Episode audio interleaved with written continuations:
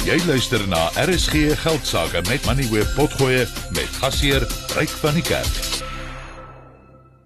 Ja, goeienaand. Jammer oor daardie kinkel in die kabel, maar uh, ons het 'n vol program vanaand en hierdie program word aan jou gebring deur Absa. Jy kan aanlyn na Absa skuif en 'n business e-wallet rekening oopmaak.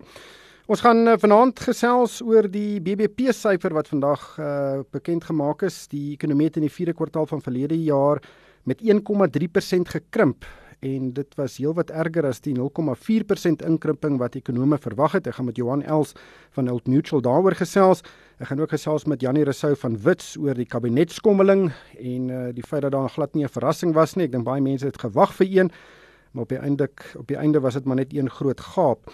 En dan gaan ons ook kyk na die winssyfers van twee van die grootste maatskappye in die land, uh Shoprite en Nedbank. Ek gaan daar met die uitvoerende hoof van Shoprite, Pieter Engelbreg gesels en ook met Mike Brown van Nedbank. En dan in die laaste segment, as ons tyd het daarvoor, gaan ons gesels oor 'n interessante projek in die Oos-Kaap waar daar hard gewerk word om indringerplante in die opvangsgebiede van verskeie damme te verwyder en hulle hoop om daardeur daardie damme voller te kry en daardeur die die droogte en die die watertekorte te verminder. En uh, maar kom ons hoor net vinnig wat het vandag op die markte gebeur en uh, Henko Creer is op die lyn maar die insetsel word geborg deur Finbond Mutual Bank. Kontak hulle op 0860 442211 Finbond Mutual Bank. Henko Goeienaand. Ja, Jerome Powell is aan die woord en dit lyk asof hy hoe langer hy praat en hoe meer hy praat, hoe rooier raak die Amerikaanse beurse. Op die oomblik is die Dow Jones, die S&P 500 en die Nasdaq elkeen 0,9% laer en die Europese beurse het in die rooi gesluit vanmiddag. Die FTSE 100, die Duitse DAX en die CAC 40 elkeen laer met sowat 0,5%. Die JSE het ook laer gesluit, 0,2% af vandag en sluit op 'n vlak van 78557 punte. Die Hulbron indeks het gedaal met 1%. Die nywerheidsindeks was darm stewiger en dit met 0,3%, maar die finansiële indeks het verswak met 0,4%. Dan as ons loer na van die maatskappye wat redelik goed gedoen het, Richmond en British American Tobacco sluit elkeen 1.5% hoër, maar Standard Bank verloor vandag 2.5% en Glencore sluit 3% laer. Op die kommoditeitsmark is die goudprys nou 1826 dollar per fyn ons, platinum is 938 dollar, palladium 1383 dollar en die olieprys staan tans op 85 dollar en 20 sent per vatjie. Die rand verhandel nou teen R18.40 teenoor die dollar en dit verswak sover vir die dag met 1.5%. Ek kan dalk noem dat sowat 20 minute gelede het dit net vir 'n oomblik teen R18.52 verhandel. Die rand is ook R22 teenoor die Britse pond, R19.60 teenoor die euro en R12.25 teenoor die Australiese dollar. En 'n Bitcoin verhandel teen 22314 dollar. Dit is gelykstaande aan R415 000. Baie dankie Henko. Chantel Marx is hoof van beleggingsnavorsing by FNB Private Wealth. Chantel, baie welkom by die program. Die rand uh, is uh, heelwat swakker vandag en is daar enige rede vir?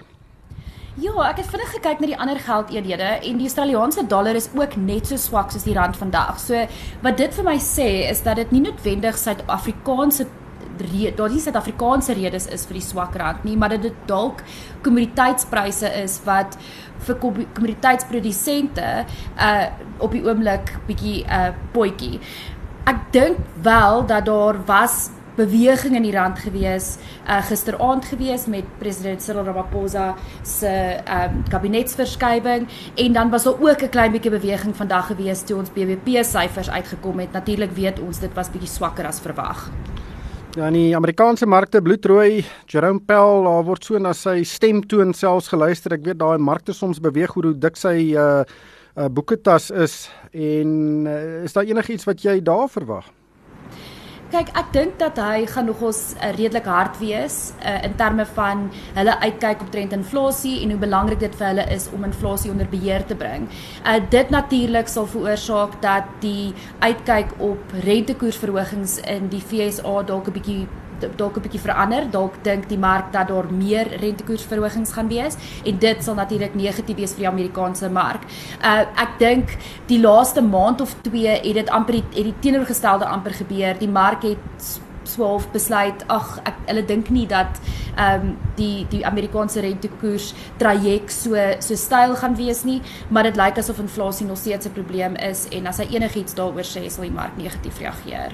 Die insetsel is geborg deur Finbond Mutual Bank. Kontak hulle op 0860 44221. Finbond Mutual Bank.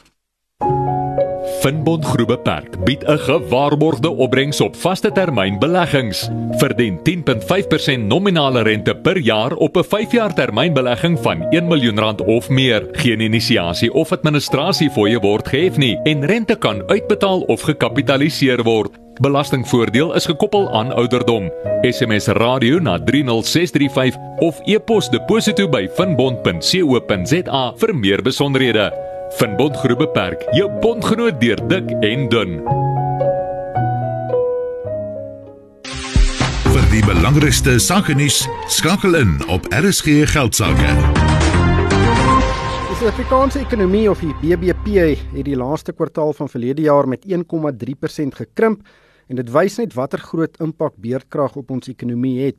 Die daling was baie erger as die 0,4% inkrimping wat ekonome verwag het en uh, die daling het ook meegebring dat ons BBP nou weer kleiner is as wat dit voor die COVID pandemie was. Nou volgens statistieke Suid-Afrika het 7 van die 10 ekonomiese sektore in die land agteruitgeboer en dit was net vervoer, konstruksie en persoonlike dienste wat groei gewys het hoewel hierdie groei maar baie effens was. Aan die negatiewe kant het die finansiële sektor erg gesukkel en het met 0,6% gekrimp. Eh, die finansiële sektor is die grootste ekonomiese sektor in die land.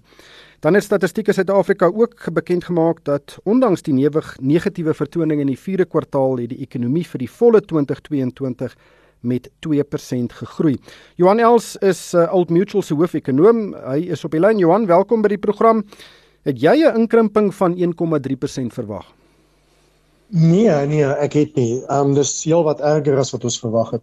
Ek het so geluister na jou inleiding. Jy is heeltemal reg. Die die um elektrisiteitsprobleme het 'n groot impak, maar dit was wat ons verwag het in die mynbou en al veral vervaardigingssektor wat vir my moeilik was om aan te sluk is die groot daling in die finansiële dienste sektor se bydrae tot BBP. Jy het 'n syfer genoem van minus 0,6. Dis die bydrae tot die totale BBP. Die werklike daling in daai sektor was minus 2.3%. Nou dit maak nie vir my 100% sin nie want dit het nie 'n direkte verband soos mynbou en vervaardiging met elektrisiteitsprobleme nie. So ek het bietjie moeilik daarin gesluk. Dit was dan met ander woorde die grootste deel van die negatiewe verrassing van die BBP. Ja, is daar enige voor die hand liggende redes daarvoor want die finansiële dienste sektor is 'n baie stabiele sektor. Dit is 'n baie groot sektor en daar is nie altyd of baie keer wisselvalligheid te sien nie. Uh is daar miskien nee, enige ja. ander wel meer voor die hand liggende redes as net luister daar het bittermin gebeur in daai sektor in die 4de kwartaal? Ja, nee, um, om vir die eerlike waarheid te sê, ek um wag nog vir terugvoer van statistieke Suid-Afrika. Ek het probeer praat met hulle. Dit dis vir my half 'n vreemde syfer daai.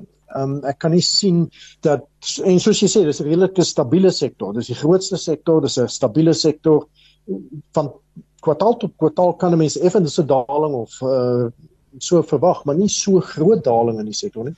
En ek wonder of dit nie is wat dan in die volgende um stel syfers weer hersien kan word nie. Met ander woorde, miskien lyk die ekonomie nie so sleg soos wat ons nou lyk kyk na die um, hooflyn datapunt daar nie. Die ekonomie die hele jaar verlede jaar of die volle jaar met 2% gegroei. Nou dit is steeds heelwat laer as wat dit moet wees, maar ek dink baie mense sal dink na verlede jaar se groot klomp probleme is 2% nie te sleg nie. Ja, ek stem saam met jou. Ek dink nie 2% is te sleg as jy dink hoe wisselvallig die jaar was nie. Die die vloede in KwaZulu-Natal in die tweede kwartaal het 'n geweldige negatiewe impak gehad wat vir lank geduur het veral uh, wat motorproduksie aanbetref met Toyota se fabrieke wat vir lank gesluit was. Ehm um, so dit was baie wisselvallige patroon en op die ou einde van die dag stem ek saam met jou. Ek dink nie dit was te te sleg nie met al die ehm um, elektrisiteitsprobleme daarmee saam. Um, ons het nou gepraat van die finansiële dienste sektor. Die ander een wat my bietjie bekommer is landbou wat ook baie baie wisselvallig was deur die loop van die jaar in die vier kwartaale.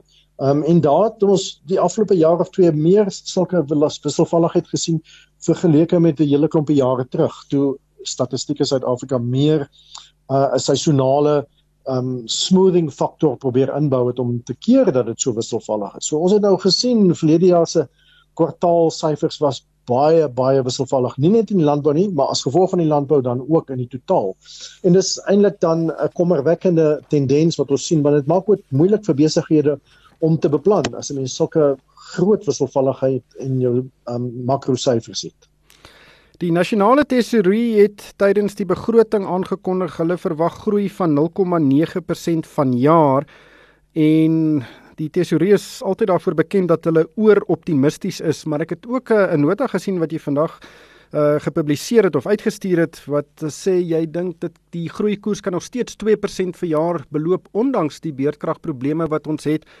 Is jy nie bietjie oor oor optimisties nie?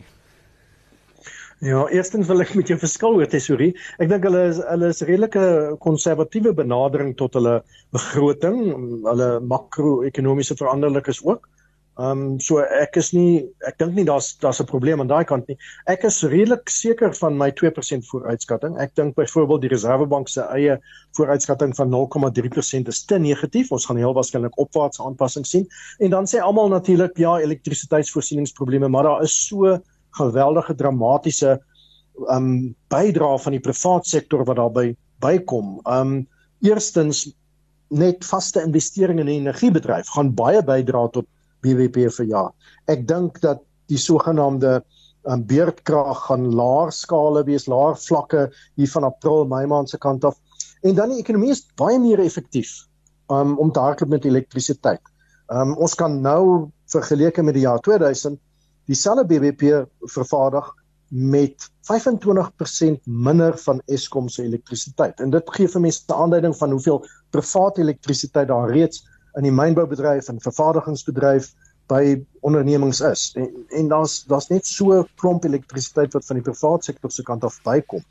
Ja luisteraars wat dalk self 'n sonkragpanele opgesit het of beplan om nou op te sit, hulle is deel van die oplossing.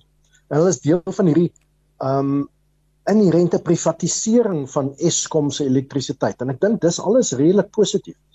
Nee, ek is redelik optimisties dat my 2% vooruitskatting vir verjaar reg gaan wees. Hooplik is dit die geval. Ek dink uh die beerkrag wat ons nou hier aan die begin van die jaar ervaar, kan 'n groot impak hê. Jy dink nie dit gaan so 'n groot impak hê nie en ek dink jy maak 'n goeie punt dat ons ekonomie pas aan en is veerkragtig en en probeer oplossings soek. Maar uh ek dink ons sal vroeg volgende jaar weer gesels en kyk of daardie 2% reg is, maar uh nie 'n goeie syfer vir die laaste kwartaal van verlede jaar nie. Maar uh ek dink uh ons kan uh maar Johan dink jy ons kan 'n resessie beleef waar ons nou twee agtereenvolgende kwartaale het wat agteruitboer waar daar rooi syfers is. Uh natuurlik hierdie ja. eerste kwartaal het nou nie so goed begin nie, maar is is dit 'n groot ehm um, kwessie indien ons byvoorbeeld in hierdie jaar in hierdie eerste kwartaal waar ons nou is ook 'n rooi syfer sien? Dit dis natuurlik onmoontlik nie. Ons het nog bitter min data beskikbaar vir die eerste kwartaal. Ehm um, die elektrisiteitsvoorsieningsprobleme kan natuurlik veroorsaak dat mynbou en ehm um, vervaardiging weer swakkerig is, maar gewoonlik as ons so dramatiese negatiewe syfers sien, dan sien ons gewoonlik 'n ommeswaai in die volgende kwartaal en veral dan van die finansiële dienste sektor. Daar's niks wat vir my uitstaan wat vir my wys dat daai sektor so swak moet bly nie. En dis veral die finansiële dienste sektor omswaai in die eerste kwartaal So jou vraag is is dit moontlik om weer 'n rooi syfer te sien? Ja, dit is moontlik, maar ek dink dit is onwaarskynlik. In elk geval, as ons sou sien twee kwartaale van negatiewe groei, tegniese resessie, maar ek dink dit gaan voortduur nie. Soos ek sê, ek dink daar kom baie elektrisiteit um hmm. oor die volgende paar maande op die grid en ek dink nie dit gaan voortduur om 'n dieper of 'n langdurige resessie te sien. Johan, dankie vir jou tyd. Dit was Johan Els, hy's Old Mutual se hoofekonoom. Kan ek 'n besigheidsrekening kry wat by my besigheid pas? Met Absa kan ek. Absa se Business Evolve rekeninge bied 'n verskeidenheid buigsame opsies vir besighede van verskeie groottes. Elke pakket bied gratis toegang tot aanlyn bankdienste, 'n spaarsakkie en cashflow manager, 'n geïntegreerde rekeningkunde hulpmiddel wat jou help om op hoogte van finansies en meer te bly. Dis 'n oplossing wat saam met my besigheid groei. Vind uit watter Absa Business Evolve rekening by jou besigheid pas en open vandag nog een aanlyn. Ons doen meer sodat jy kan. Dis African Asset. Absa se gemagtigde FTV en geregistreerde kredietverskaffer. Besenfees geld. Daar is geen geld sake met Moneyweb. Elke week saam tussen 6 en 7. Professor Janie Resou van Wit sluit nou by my aan. Janie, baie welkom by die program. Die president het toe gisterand sy kabinet aangekondig. Ons het weke en maande gewag daarvoor en toe op die dag toe hy dit met aankondig wag ons toe nog omtrent 2 uur langer. Maar uiteindelik was dit maar net 'n groot gaap. Daar was nie eintlik groot verrassings nie. Uh, Paul Mashatile is aangestel as die adjunkpresident. Dit is algemeen verwag en dan het ons ook 'n nuwe minister van elektrisiteit terwyl Gweremantash, uh, die minister van minerale bronne en energie en Pravin Gordhan, die minister van openbare ondernemings in hulle poste aanbly en dit is natuurlik hulle wat misluk het in hulle taak en nou het ons 'n nuwe minister om hulle gemors um, reg te maak. Maar wat was jou breë indrukke van van die aankondiging? Goeienaand Ryk en goeienaand aan die luisteraars. Inderdaad 'n groot gaap soos jy dit mooi opsom Ryk. En wat ek skokkend vind is dat meneer Ramaphosa toe hy uiteindelik besluit om te praat, nie sewe uur praat soos aangekondig nie, maar byna 2 ure later wat daarom ook wys dat hy min respek vir Suid-Afrikaners het. So my oor oorweldigende indruk is dat ek nie meer seker is meneer Ramaphosa is in beheer van prosesse binne sy party nie. Ek is nie meer seker dat hy hierdie land effektief kan bestuur nie. My ander ontstellende indruk is dat hy besig is om 'n kabinet binne in 'n kabinet in die presidentskap te skep. Dit is 'n baie gevaarlike ontwikkeling wat ons hier sien ook omdat die presidentskap nie aan behoor, behoorlike parlementêre toesig onderworpe is nie want die presidentskap was nooit beoog as 'n kabinet binne 'n kabinet nie. Ja, verskeie mense daardie punt ook vandag gemaak en ook dat daar nou nog twee ministers bykom. Ons het reeds een van die grootste kabinette in die wêreld en uh, dit lyk my net daar word meer mense ingetrek En die vraag is nou net kan hierdie nuwe struktuur die probleme in die land aanspreek vir al die elektrisiteitskrisis? En en weer eens daar was vandag gemengde gevoelens oor die uh, nuwe minister van elektrisiteit uh Khotsiento Ramakgopa en mens kan nou sê hy moet daar wees of hy moet nie daar wees nie maar hy het nou 'n taak. Dink jy daar's enige vooruitsigte dat hy 'n verskil kan maak? Ek dink nie dokter Ramakgopa gaan regtig 'n verskil maak nie die krisis by Eskom is 'n krisis van korrupsie. Is 'n krisis wat deur die ANC veroorsaak is. Die ANC is die probleem, die ANC is nie die oplossing nie. Die ander ding wat my bekommer is dat Dr. Ramakgopa burgemeester van Tshwane of Pretoria soos dit algemeen ken was, ten tye van die skandale rondom die eerste pogings om voorafbetaalde meters in Pretoria te installeer, 'n proses wat destyds deur die hof gestop is en uh dat Dr. Ramakgopa se rol daar binne nooit duidelik vir ons vir volledig vir ons verduidelik is nie. So ek, ek kry net die gevoel dis nie die regte kandidaat vir hierdie pos nie. En nommer 2, hierdie pos moet in die eerste plek nie bestaan nie. Die onderliggende ministers moet eenvoudig hulle werk doen. Ja, dan is daar ook 'n paar ministers wat nie uit die kabinet gelaat is nie. Die enigste een wat basies in die wat die trekpas gekry het was Lindiwe Sisulu. Maar ons sien nog steeds vir Bekkie Cele en uh en Nkosazana Dlamini Zuma. Ehm um, uh, uh Dlamini Zuma is natuurlik in 'n nuwe uh pos waar sy kyk na die belange van vroue, kinders en mense met gestremthede. En in baie opsigte is dit 'n polities pol, politieke skommeling eerder as iets om Suid-Afrika se probleme te aan te pak, miskien nou uitgesluit die minister van elektrisiteit. Ja, dit is 'n politieke proses. Wat my egter opgeval het is dat Kombutsu Ntsabeni skuif van kommunikasie na die presidentskap. Sy's jonk, sy's ambisieus en is duidelik dat in die presidents met haar in die presidentskap daar waarskynlik groot verwagtinge van haar vir die toekoms is. Dis die een ding wat vir my uitstaan aan al hierdie skuwe wat plaasgevind het. Trouwens, minister Gugubele skuif uit die presidentskap uit juis na kommunikasie waar minister Ntsa Beni vandaan kom. So ek dink dit is iemand om vir die toekoms dop te hou. Jannie, dankie vir jou tyd vanaand. Dit was professor Jannie Resou van Wits. 'n Naam word altyd gemeet aan wat dit doen. Neem ons naam byvoorbeeld. Efficient Wealth om jou besittings te beskerm en jou finansiële toekoms te verseker. Dis wat ons doen, van lewens- en korttermynversekering tot beleggings en aftreebeplanning. Vind uit wat ons vir jou kan doen by efw.co.za of 0878949988. Efficient Wealth, Dis wat ons doen. Efficient Wealth is 'n gemagtigde finansiële diensste verskaffer. Vind uit watter Absa Business Evolve-rekening by jou besigheid pas en open vandag nog een aanlyn. Ons doen meer sodat jy kan. Dis African Asset. Absa se gemagtigde FTV en geregistreerde kredietverskaffer. Besenfees geld. RSG geldsaake met Moneyweb, jou betroubare bron vir sakke en beleggingsinsigte. Shoprite is die grootste kleinhandelgroep in Afrika. Daar werk sowat 152 000 mense by die verskeie winkels in die groep. Daar is omtrent 1000 Shoprite winkels, 400 Checkers takke, 800 drankwinkels en dan ook 540 konsessie winkels wat binne die OK groep is.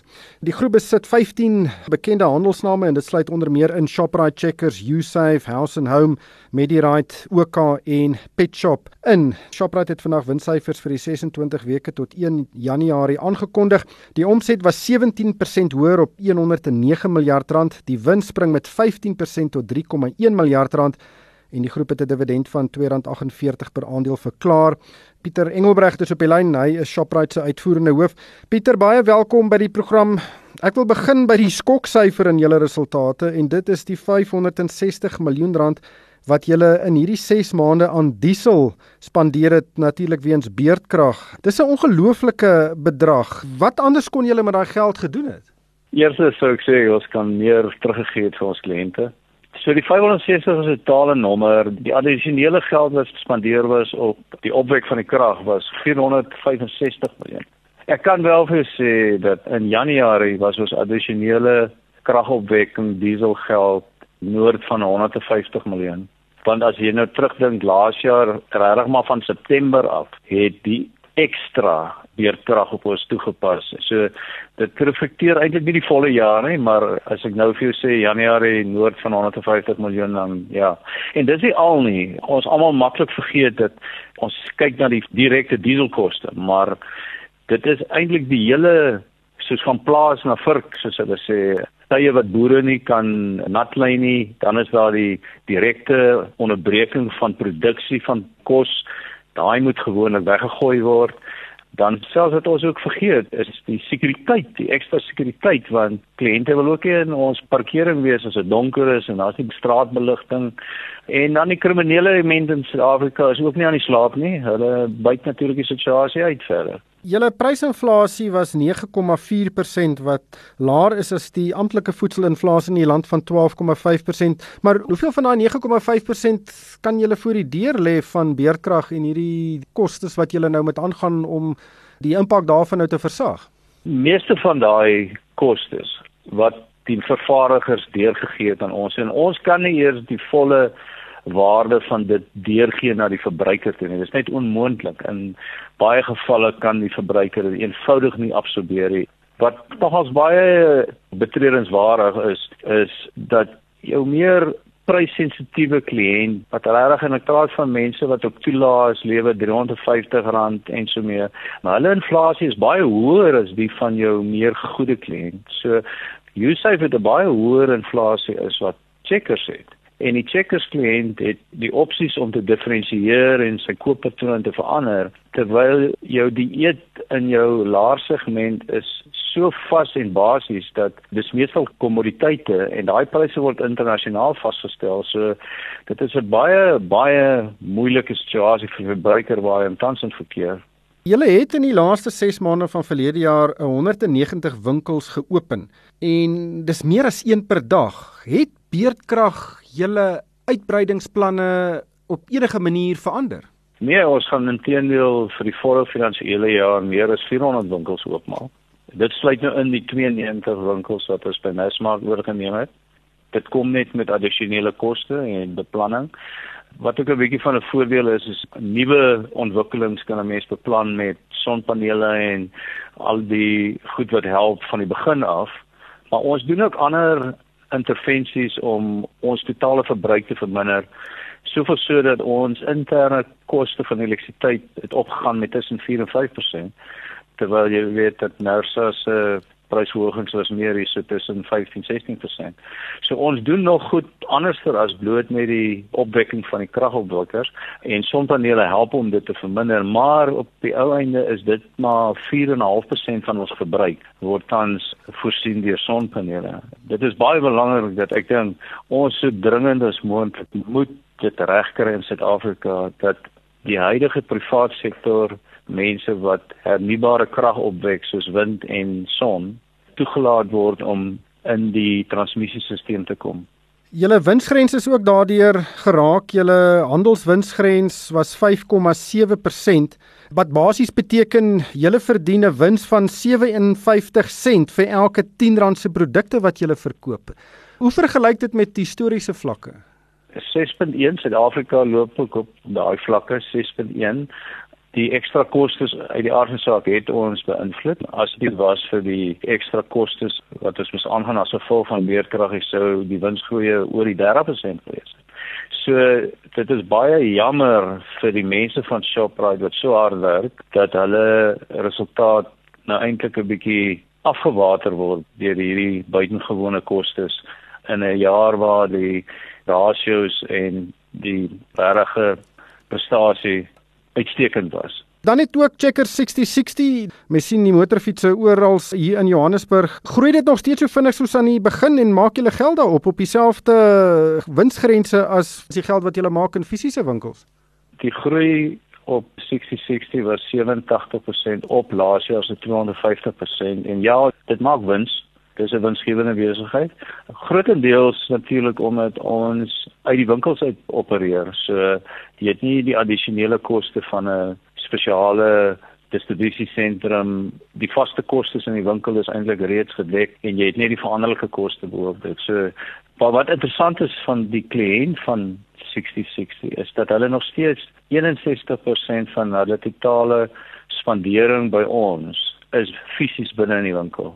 So dit is nie so dat mense net daai eksklusief gebruik nie. Dis 'n kombinasie van die twee en daai kliënt is vir ons baie waardevol.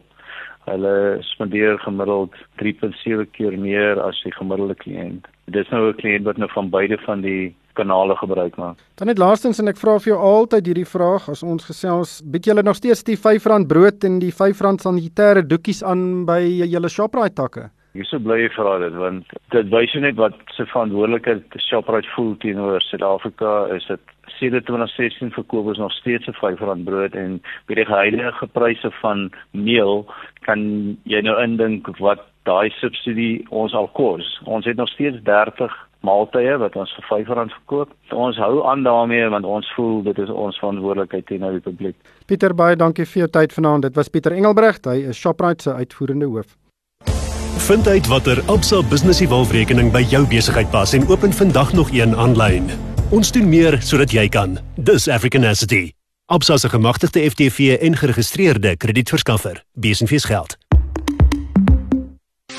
Daar is geen geldsaake met Moneyweb. Jou betroubare bron vir sakke en beleggingsinsigte. Netbank het vandag finansiële resultate vir sy boekjaar tot einde Desember aangekondig en dit was baie baie goeie resultate. Die wesensverdienste het met 20% tot 14 miljard rand geklim. Dit is die hoogste wesensverdienste wat die groep nog ooit bekend gemaak het en dit is ook hoër as die 15% groei wat First Rand verlede week aangekondig het. Die groep het 'n slotdividend van R8.66 per aandeel verklaar en dit stoot die totale dividend vir die jaar tot R16.49 per aandeel op en dit is die hoogste dividend wat die bank nog ooit uitbetaal het. Netbank het ook aangekondig dat dit 5 miljard rand gaan gebruik om aandele terug te koop en ook om 'n aanbod te maak aan aandeelhouers wat minder as 'n 100 aandele besit, dis so 'n sogenaamde losaandeel aanbod. Mike Brown is Netbank se uitvoerende hoof. Mike, thank you so much for joining me. This seems to be a very very good set of results which you've achieved in a very difficult year. I read through your financial announcement and you made many warnings of headwinds and challenges facing South Africa. You mentioned load shedding, Transnet, poor municipal service delivery, crime and corruption. I think the list is long. What were the main drivers of this good performance? Certainly, we were very pleased, and we think it is a strong set of numbers in what is a difficult environment. But if you look on the other side, our return on equity improved to 14%, and that's still below where we would like it to be. It's below where we were before COVID. So, as good as these numbers are, there's still definitely work ahead. What drove this was actually delivery of our strategy and good performance across all of our businesses. Every single business cluster improved their return on equity and was able to generate double digit earnings growth with particularly strong growth in our businesses outside of South Africa and in our wealth business. And we also benefit from the rise in interest rates, which feeds through into our margins. And we've been able to offset some of those impacts by not having the increase in bad debts that one would usually expect with such a strong rise in interest rates. The fact that you've actually mentioned the challenges facing South Africa is similar to many other big companies where they've also pointed the finger at government and say, listen, we need to sort this out because it's harming economic activity. But do you think the private sector and especially the banks, because the banks play such an important role in our economy, is vocal enough about the poor progress we are making in addressing those problems? We certainly think we are vocal enough. We point very strongly, as we have for a while, to the challenges in the state owned monopolies in our key network industries. So think about the issues with energy and Eskom, logistics and Transnet, and water as well as the unacceptably high levels of crime and poor service delivery in many municipalities. But our job, we think, is both to be critical. It doesn't help just to shout from the rooftop. One needs to point out challenges and areas where we need to do better, act faster, be more decisive. But we do try and work with like minded South Africans, with business organizations, with areas in government like Operation Vulindlela to provide support wherever we can to try and create better outcomes for the benefit of all South Africans. We also face a big challenge at the moment, and that is that South Africa appears on the FATF grey list. And although the National Treasury is quite optimistic that we will be removed from the list within 18 months, other commentators believe it will take a lot longer.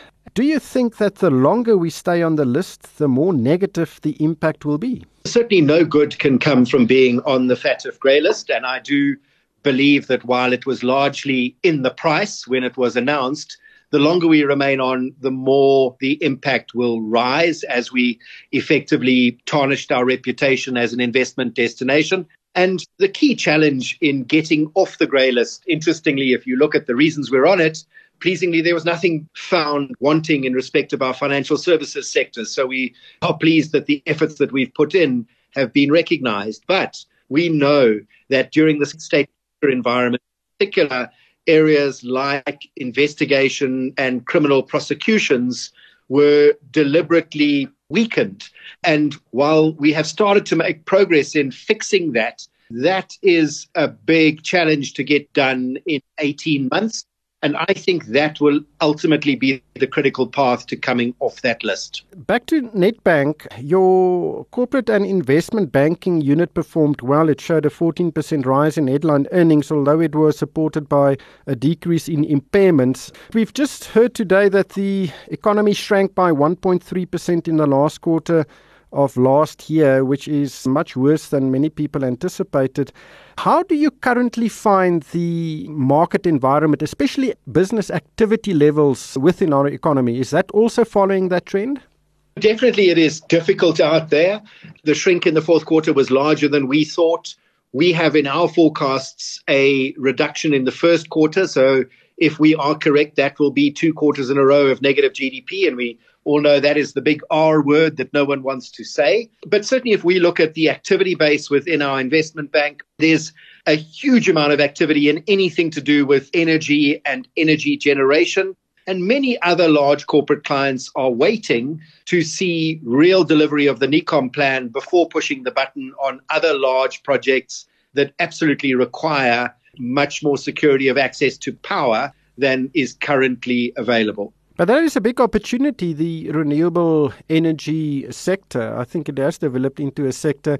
Many projects are already in a construction phase. There are many in the pipeline. And I believe there is a scramble from banks to finance these projects. Can you pick and choose? How long is the queue in front of Nedbank's door? There certainly is a large scramble from our clients who want to institute these projects to enable them to achieve security of energy supply at prices that they believe are appropriate. So certainly our energy teams are incredibly busy. And I think that that is a multi-year opportunity because as much as we should never have got into this crisis from an energy point of view, the only way out of the crisis on a sustainable basis is to significantly increase energy generation. And that requires both equity and debt financing. And there is a very key role for the banking sector and Nedbank to play in that. Mm. Dit was Mike Brown, hy is Nedbank se uitvoerende hoof. Besoek RSG Geldsaake se Facebookblad en kom ons gesels. Dis Dinsdag en dit beteken ons gesels oor landbou sake in die laaste segment en vanaand kyk ons na die Gamtoos besproeiingsraad wat tans betrokke is by verskeie projekte om indringerplante in die opvangsgebiede van verskeie damme in die Oos-Kaap te verwyder en dit sal meebring dat meer water na die damme kan vloei wat tans bykans leeg is en uh, dit kan dalk verligting bring vir die erge watertekorte wat die provinsie en veral Kobega ervaar. Rinet Koleski is op die lyn, sy is die uitvoerende hoof van die Gamtoos Besproeiingsraad. Uh, Rinet, baie welkom by die program. Kortliks, wat behels hierdie projekte? Wat doen julle? Ehm um, funksioneer baie soortgelyk aan 'n watergebruikersvereniging. So ons implementeer geld wat die departement van omgewingsake dan nou deur 'n tender aan ons gee.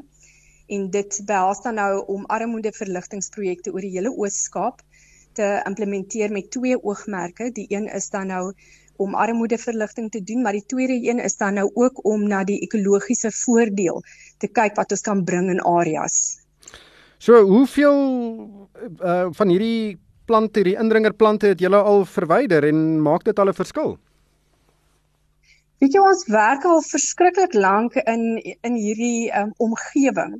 Um, ons het op 'n stadium 44 projekte oor die hele Oos-Kaap geïmplementeer en dan ehm um, nou meer onlangs hierdie jaar wat nou verby is omtrent 24 waarvan daar so 'n uh, paar van hulle lê in ons opvanggebied wat direk uh, Kebega dan nou beïnvloed. En as ons nou dan nou kyk na die opvanggebied van die Kouga dam sowel as die Churchill en die Mpofu dam uh, gebiede dan kyk ons nou omtrent 30000 hektaar wat ons oor hierdie tyd in Kouga se so opvanggebied gedoen het oor die jare nou. En dit is sedert 1999 en dan nou in die kromme uh, kromme opvanggebied wat dan nou die Churchill en Mpofu gebiede is is omtrent 23000 en dan moet daar in ag geneem word dat hierdie areas skoon gemaak word maar dan nou jy moet nou teruggaan om daai areas dan nou skoon te hou ook. So dit is 'n voortdurende ehm um, werk wat jy doen. Jy jy dit is nie net 'n eenmalige ding wat gebeur nie. Wat is die spesies of die plante wat vir julle die meeste probleme gee of uh, waarop julle fokus om hulle te verwyder? As ons nou uh, spesifiek in die Oos-Kaap is dit maar die black wattle. En ehm um, dit is nogal 'n uitdaging om hom uit te roei omdat uh, jy kry hom gewoonlik in areas waar hy redelik volwasse is en dit is 'n die, diererige proses om hom dan nou uit te roei maar dan moet jy nou ook as jy begin opvolg kom is daar verskriklike groot saadbanke wat onder daai bome lê wat jy dan nou voortdurend moet ehm um, probeer uitwis hmm. om seker te maak dat dat hulle dan nou uh, nie uh, nie op die oomblik op die ou en te groter probleme is as die oorspronklike black wattles nie. Ja. En hoeveel meer water vloei na die damme toe? Kyk in terme van studies praat hulle dat uh, daarvan dat jy tussen um 3 en 17 kubiek per uh hulle noem dit condensed hektaar wat beteken as jy nou al daai volwasse um bome bymekaar druk en uitroei per dag behoort na jou opvang uh, in jou opvanggebied na jou damme te, te vloei indien um jy skoon maak en dit onderhou. Ja, maar die soos ek dit verstaan is dit baie water. Daardie bome sy geweldige baie water uit die riviere uit um En as dit skoon gemaak word en skoon gehou word, kan dit regtig 'n baie groot verskil maak. Dit kan selfs meer doeltreffend wees as om 'n nuwe dam te bou. Ja, dit is die argument op hierdie stadium en in studies waarby ons betrokke is met watervoorsiening aan spesifiek die Nelson Mandela Metro, is dit ook 'n natuurlike groot argument dat dit baie goedkoper is uh, om um om skoon te maak in jou opvanggebiede as om 'n dam te gaan oorbou. Ek net om uh, te sê, jy weet as jy uh, Kouga dam moet oorbou nou uh, is dit tussen 4 en 6 miljard rand wat jy moet uithaal om dit gedoen te kry. Renet baie dankie vir jou tyd vanaand. Dit was Renet Koleski, sy is die uitvoerende hoof van die Gamtoos Besproeiingsraad. Chantel, net voor ons groet, ek wil teruggaan na Netbank en Shoprite toe want dit is twee groot Suid-Afrikaanse maatskappye. Uh, wat het jy van die syfers gedink? Ek het gehou van albei se syfers. Um, ek dink die mark het bietjie minder gehou van Shoprite se syfers. Maar as mens kyk na hoe die aandeel ook verhandel het deur die dag, baie af uh, aan die begin van die dag en soos wat die dag aangegaan het, het mense weer begin om Shoprite te koop. Want Shoprite is 'n hoë kwaliteit maatskappy met uitstekende groei vooruitsigte en hulle laat hulle nie onderkry deur uh, die huidige ekonomiese realiteit in Suid-Afrika nie. Soortgelyk Netbank doen ongelooflik goed en hulle het half 'n 'n positiewe uitkyk en 'n opportunistiese uitkyk oor dinge eerder as om net negatief te wees. En mense kan dit in die syfers sien. Ja, en interessant, uh Shoprite se markwaarde is 133 miljard rand, maar dit het uh in die tydperke 3 miljard rand wins gemaak. Dis 'n 6 maande tydperk, so as mense dit verdubbel, het hulle 6 miljard of sê maar 'n bietjie meer as 6 miljard wins gemaak in die in, 'n boekjaar, maar Netbank het in sy boekjaar 14 miljard rand se wins gemaak, maar sy markwaarde is 119 miljard rand wat minder is as Shoprite, wat dui dat of Shoprite is baie duur of Netbank is baie goedkoop of 'n kombinasie van die twee. So ek dink dit is 'n kombinasie van die twee. Shoprite is 'n duurder aandeel en Netbank is 'n baie goedkoop aandeel op die oomblik, maar ons ook strukturele redes hoekom hierdie syfers verskil. So as mens kyk na 'n uh, banke byvoorbeeld, hulle het ongelooflike groot balansstate, so dit beteken hulle is bietjie hoër risiko as 'n as 'n kleinhandelaar. Dan as mens kyk na hulle groei vooruitsigte, die mark verwag dat Shoprite oor tyd vinniger gaan groei as Netbank en en dit is ook in die aandeleprys of dit word ook gereflekteer in die aandeleprys.